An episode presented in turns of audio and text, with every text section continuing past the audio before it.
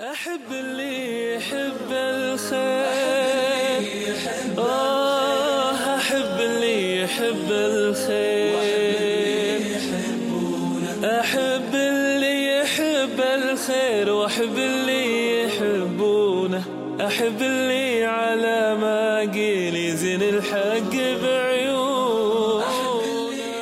كان النبي صلى الله عليه وآله وسلم يشجع أصحابه دائما على الخير. وكانت همم الصحابة الكرام عالية رفيعة عندما يسألون النبي صلى الله عليه وآله وسلم عن أبواب الخير. لذلك كان يأتي إليه أحدهم يوما فيقول يا رسول الله ما أحب الأعمال إلى الله؟ فيقول عليه الصلاة والسلام الصلاة في أول وقتها. وفي رواية قال الصلاة على وقتها. يأتي الثاني يا رسول الله في معركة بدر يا رسول الله ما ما يجذب العبد إلى ربه؟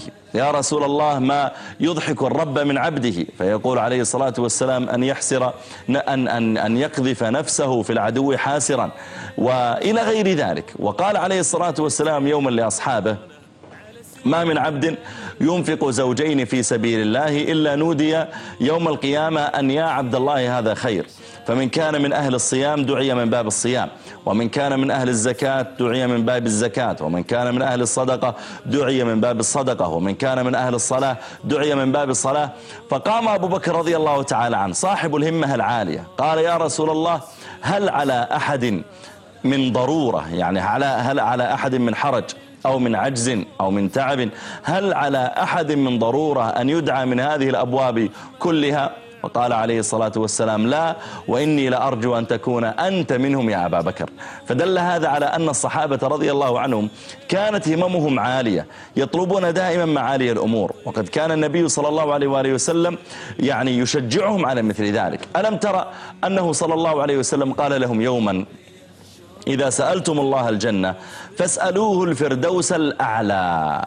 فإنه أعلى الجنة وأوسط الجنة يعني هو أعلى الجنة وهو أيضا يعتبر في وسطها. قال فإنه أعلى الجنة وأوسط ووسط الجنة وسقفه عرش الرحمن ومنه تفجر أنهار الجنة. فيقول لا تسألوا فقط يا رب دخلني الجنة لا بل قولوا يا رب إني أسألك الفردوس الأعلى. وذلك لأجل أن تكون هممهم دائما عالية. وربنا جل وعلا في القرآن يقول سابقوا إلى مغفرة من ربكم. ويقول جل وعلا وسارعوا إلى مغفرة من ربكم. ويقول جل وعلا فاستبقوا الخيرات. وبين الله سبحانه وتعالى فضل المؤمنين فقال والسابقون السابقون أولئك المقربون دل هذا أيها فاضل على أن الإنسان إذا أراد أن يغامر في شرف مروم فلا يقنع بما دون النجوم. ينبغي إذا, إذا زاحم أهل الصلاة أن يكون خيرهم. كما قال جل وعلا آه، والذين يقولون ربنا هب لنا من أزواجنا وذرياتنا قرة أعين واجعلنا للمتقين إماما فطلب المؤمنون من ربهم المتقون أن يكونوا أئمة في التقى. بمعنى أن أكون أحسن الناس في الصلاة وأحسن الناس في الصدقة وأحسن الناس في بر الوالدين وأحسن الناس في الإصلاح بين الناس وأحسن الناس في الأمر بالمعروف والنهي عن المنكر. أن أكون إماما في الخير دائما. بدل أن أكون إماما في الشر.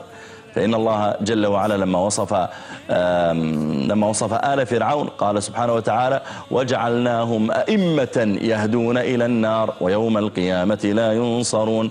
لاحظ يهدون إلى النار هم أئمة يهدون إلى النار. بعض الناس اليوم إمام في تعاطي المخدرات يقتدي به غيره ويتعاطى. إمام في الوقوع في الفواحش يقتدي به زملاؤه ويقلدون إمام في شرب الخمور وجعلناهم أئمة يهدون إلى النار. يعني يقودون. الهداية يعني أن, أن, آه، يبي أن, أن يدل الناس على طريق معين ليسيروا معه. أئمة يهدون إلى النار. قال الله ويوم القيامة لا ينصرون. وذلك إذا كانوا يدعون الناس إلى الباطل ويجرونهم إليه. لذا أيها الأحبة الكرام ما أجمل أن تكون همة العبد عالية دائما وأن إذا سمع أي حديث أي خير أي باب من أبواب الخير أن يسارع إلى تطبيقه ما استطاع. يقول بعض السلف رحمه الله تعالى اجعل لك في كل باب من أبواب الخير عملا صالحا. ثم قال حتى إذا دعي يوم القيامة أهل الزكاة فتكون منهم. تدعى ولو أنك زكيت مرة أو مرتين. يعني تصدقت. آه، إذا دعي يوم القيامة أهل, أهل قيام الليل فتكون منهم. حتى لو لم تقم إلا أياما يسيرة أو قمت بشيء يسير. إذا دعي يوم القيامة أهل بر الوالدين فتكون منهم. بحيث أن يكون له في كل عمل صالح شيء يسير. يسأل الله تعالى به النفع والسداد. أسأل الله جل وعلا أن ينفعنا وإياكم بما سمعنا ونجعلنا وإياكم مباركين أينما اللي يحبونه. يفوح الطيب من طيبه بيض الوجه يعطونه. يجيك الزين بحبور كما برق يشوفونه. يفوح الطيب من طيبه بيض الوجه يعطونه. يجيك الزين بحبور كما برق يشوفونه. تقول البدر بنجومه أهل ينصونه يطيب الوقت بجلوسه. يزن الضحك